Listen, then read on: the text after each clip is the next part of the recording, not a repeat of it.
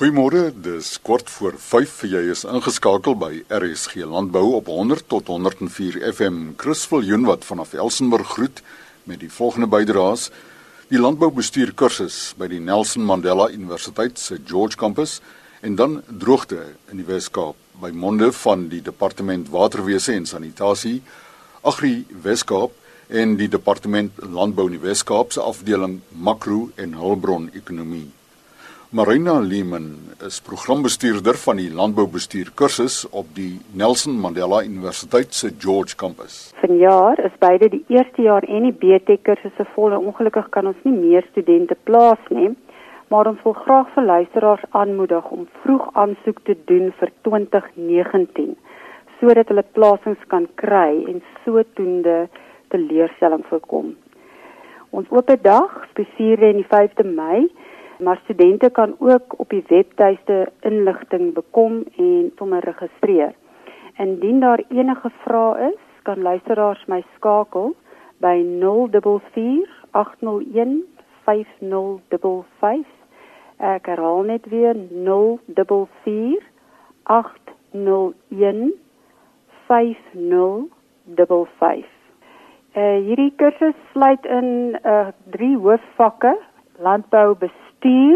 Ons glo dat ons ehm um, studente nie net die tegniese aspekte van boerdery weet nie, maar ook die besigheidsvaardighede is want uiteraard is ehm um, is boerdery deesdae 'n besigheid. Ehm um, die ander twee vakke is plantproduksie en diereproduksie. En die studente is verplig om dit in die eerste jaar te neem, maar in die tweede jaar kan hulle enige of beide die kursusse ehm uh, mee voortgaan ons wil altyd graag hê hulle dat hulle hulle dalk moet bekwam in beide die diere en die en die plante produksie.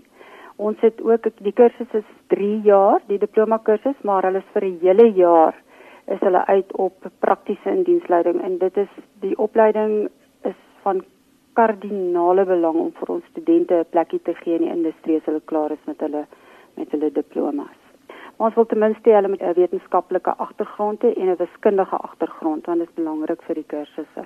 Tans lei dit tot die toegang tot 'n BTech kursus. Een of ander tyd gaan die BTech graad verval en dan is daar 'n nuwe pad wat hulle kan loop waarin hulle advanced uh, diploma kan doen ehm um, nadat hulle 'n diploma gedoen het. So die paadjie gaan 'n bietjie verander, maar dit gaan vir hulle uiteindelik 'n paadjie word waar hulle tot by 'n uh, eh, MSc en 'n uh, D ehm uh, graad kan gaan, 'n PhD graad.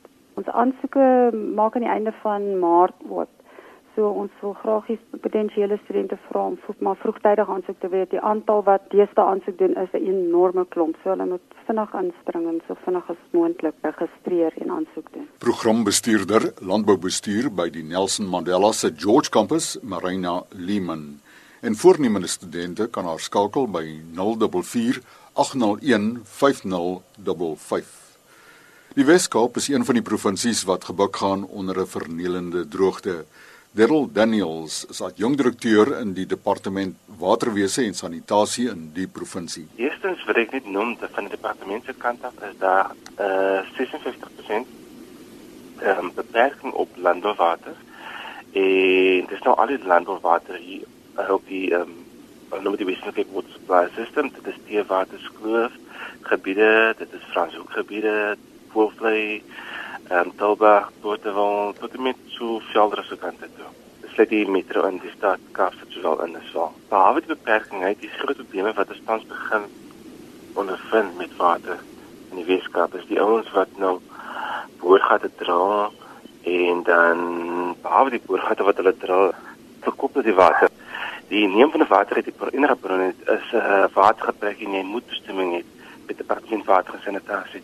En as jy nie toestemming het by waterwese of watersanitasie nie, dan is dit dalk tens ter in wetgewing en ons doen van departement se kant 'n groot versoek dat almal moet wel uitvind of wat dit betoestemming hulle moet hê vir hulle water fisies gebruik 'n boorgat uit. Daar's 'n wetgewing en regulasies wat dit verbied om in sekere plekke nie boorgate te drill nie. In Saldanha area is 'n goeie voorbeeld. Daar is baie areas wat nie mag drill nie.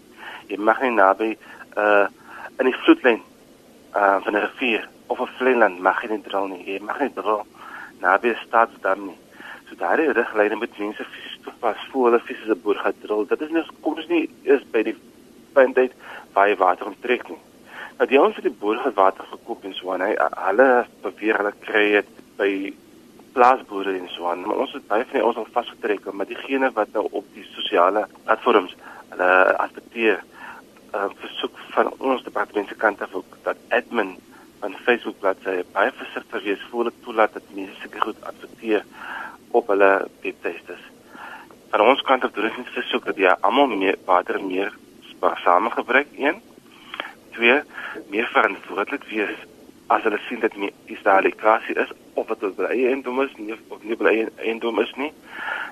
Lig jy jou jou, jou plaaslike um, munisipaliteit in om te sê dat ja, daar is probleme of doen navraag by jou plaaslike munisipaliteit of jou plaaslike um, watersanitasie kantoor om uit te vind wat tans aangaan in terme van water want slegs as almal hulle bydra kan lewer kan ons dan ons water nog hê tot en met die volgende winterseisoen toe.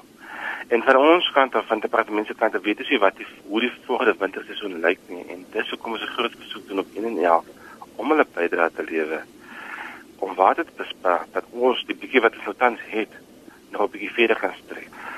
En as almal samewerking kry, dink ons kan ons baie verder kom. Adjunkt direkteur Darryl Daniels van die departement waterwese en sanitasie. Hoe beleef boere hierdie droogte? President van Agri Weskaap, Cornie Swart, gesels vanaf Bredasdorp. Die Weskaapse waterkrisis kom nou lank met ons saam. Wat na 2015 begin het as 'n krisis wat net deur die landbou gevoel is, het ontwikkel in 'n ramp vir elke inwoner van die Weskaap wat nou realisties moet wees oor die feit dat 'n dag 0 kan aanbreek. Produsente kry water waarvoor hulle betaal via die onderskeie besproeiingsrade en watergebruikersverenigings. Hierdie water is reeds met gemiddeld 60% gesny. En die olifantsdoringskema is kwotas met 87% gesny. 'n Gesamentlike ondersoek tussen die provinsiale departement van landbou, BFAP en die tegniese afdelings van die landboubedrywe in die Weskaap het gewys wanneer 60% minder water aan produsente toegeken word, die gemiddelde afname in produksie meer as 30% is met duisende potensiële werksverliese wat daarmee gepaard gaan. Die Weskaapse sagte vrugtebedryf is geskoei op uitvoere wat waardevolle buitelandse valuta vir die land verdien. So die waterkrisis het buiten vir voedselproduksie en werksgeleenthede ook ander ekonomiese uitwerkings en 'n invloed op die totale waardeketting. Met produsente se water wat tot op die been gesny is, word die landbouskade op 15 miljard rand beraam en die totale landbousektor in die Weskaap is onder erge druk. So byvoorbeeld het ons graanproduksie heelwat afgeneem en moes veeprodusente al kuddes drasties verminder. Die stad Kaapstad en die landbousektor het mekaar nodig en om die huidige watersituasie teen mekaar af te speel lewer geen bydrae om die krisis te bestuur nie. Met die toestroom van mense na die Weskaap vir werk en beter lewensomstandighede is daar nie tred gehou met die waterbehoeftes van inwoners nie en is die kapasiteit van damme in die Weskaap nie aangepas nie. Die verhoging van die Klein Willem Damwal sloer byvoorbeeld al vir jare. Agri Weskaap is deel van die droogtekomitee. En dit is vir die landbou belangrik om saam met alle rolspelers te besin oor hoe om soortgelyke rampe in die toekoms te vermy en om hierdie kritieke tye te kan oorbrug. Cornie Swart is president van Agri Weskaap. Die droogte situasie gesien uit die oogpunt van 'n landbouekonoom Lou Pinaar is bestuurder makro en hulpbron ekonomie in die departement landbou in die Wes-Kaap. Droogte en die impak daarvan uh, is ons almal bekommerd in die landboubedryf en uh, jy weet op die stadium is dit uh, natuurlik moeilik om die impak regtig te meet want ons is in die middel van die uh, somer en daar's nog 'n klomp warm uh, droë dae wat voorlê en die damvlakke is baie laag. Ehm um, as jy net kyk op die oomblik, die algemene damvlakke op die oomblik is 28% vir die provinsie en dit op dieselfde tyd verlede jaar was omtrent 44%. So ons is in 'n baie, baie ernstige droogte en dit is so dat ons baie bekommerd is. Nou uh, verlede jaar het uh, ek 'n bietjie saam met die BFAP groep uh, gaan kyk na, jy weet, vers, verskillende scenario's gedoen om te kyk wat kan die impak wees want ons weet nou omtrent uh, op gemiddeld is omtrent 60% van ons water uh, gekry wat ons gewoonlik uh, sal kry vir die landbou en toe het ons 'n bietjie 'n paar analise gedoen om te kyk wat die impak sal wees. Nou as jy mense klomp aannames maak, dan kan 'n mens uh, skat dat dit omtrent so 35% afname in produksie sal wees. Nou as dit die geval is, dan kan dit ons ekonomie tot 4.9 biljoen rand kos as jy dit nou vergelyk met 'n normale seisoen. Nou die vraag is ons ons is nou in die middel van die somer en die vraag is wat is wat is nou die impak werklik op grondvlak en wat sien ons? En dit is te vroeg om om te sê en daar's 'n klomp faktore wat die wat kan nog, jy weet, 'n rol speel in die afname uh, van die en die impak van die droogte. Nou as ons 'n bietjie gaan kyk en ek het die bedryf gevra wat die gevoel is en dit gaan eintlik verbasend goed op die oomblik. Nou van die vroeë vrugte wat uitkom soos die steenvrugte lyk eintlik heel goed, maar onthou dit is in die vroeë deel van die van die seisoen. Ehm um, en dit lyk relatief goed. So as jy die afname kyk na daar dan sien ons so 3 tot 5% van die steenvrugte. Maar dan as ons kyk na appelkose dan lyk ons uh, redelik verder af met omtrent 16%. Uh, maar ons weet ook die pryme, baie van die pryme moet nog afkom en hierso voorspel die industrie dat ons kan selfs 15 tot 20% uh, afhangende van 'n klomp faktore. Jy weet so in daai in daai stel sien ons dat die die afname is, is al klaar beduidend, maar nog op baie vlakke wat ons gesien het hier. Ehm um, en ons sal maar sien as die somer homself uitspeel. Dan uh, dan is ons al natuurlik uh, meer bekommerd dat ons sien die die graan seisoen het uh, baie laer graan oes gelewer en die koring in vergelyking met verlede jaar is 47% af en dit het natuurlik 'n groot impak uh, op op die Wes-Kaapse ekonomie. Nou die vraag is uh, jy weet wat gaan ons sien in die dryfbedryf in die drywebedryf en uh, hier verwag ons redelik 'n groot afname in produksie en ons kan hier kyk na tot 20 tot 30%. Ons is nog nie seker nie, maar ons wil sien wat daar gebeur. Nou net vinnig hoekom uh, jy weet die boere het natuurlik ook hulle uh, verskeie uh, jy wil dinge in plek gesit om seker te maak dat die dat hulle hulle vrugte kan prioritiseer. En dit is dan natuurlik uh hoekom ons nie so groot afname sien soos wat ons jy weet ek voorspel het nie, maar dit lyk nog steeds uh, redelik sleg. Maar dan net Chris, ek dink 'n belangrike ding om te onthou is dat uh, werksgeleenthede is baie belangrik. En ons het al klaar verlede jaar gesien dat omtrent 30000 werksverliese in die derde kwartaal van verlede jaar ehm um, gewys het in die data. So ons is bekommerd daaroor. En dan net as ons kyk na, jy weet, 'n ding wat mense nie besef nie is dat daar's omtrent 70000 huishoudings wat ehm um, afhanklik is van kleinskaalse boerdery en spesifiek groente en vrugtetuine. En hierdie mense is baie afhanklik van die van van produksie vir hulle eie huishoudelike gebruik. En baie van hierdie mense gaan nie hierdie seisoen kan produseer in hulle tuine nie en dit het natuurlik 'n groot impak op voedselsekuriteit. So net om af te sluit, ek dink die algemene prentjie wat ons sien, dit lyk baie sleg uh met die droogte. Uh maar ek dink die boere en die gemeenskap doen baie goed onder die omstandighede en ons gaan 'n definitiewe afname sien die die jaar.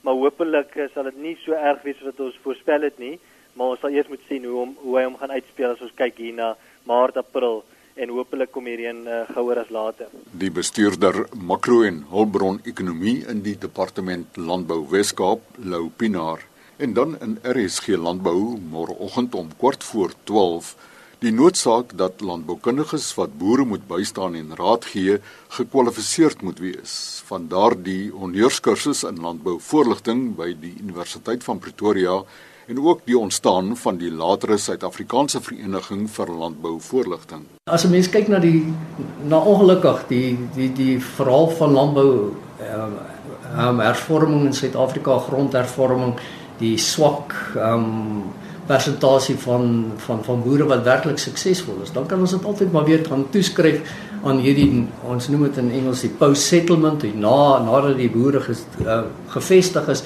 daai ondersteuning wat net nie daar bestaan nie. En dis maar van nie sê waar hierdie gekoördineerde voorligtings uh, ondersteuning net nie bestaan nie. Ek dink nie daar's meer tyd vir duplisering soos wat ons doen nie.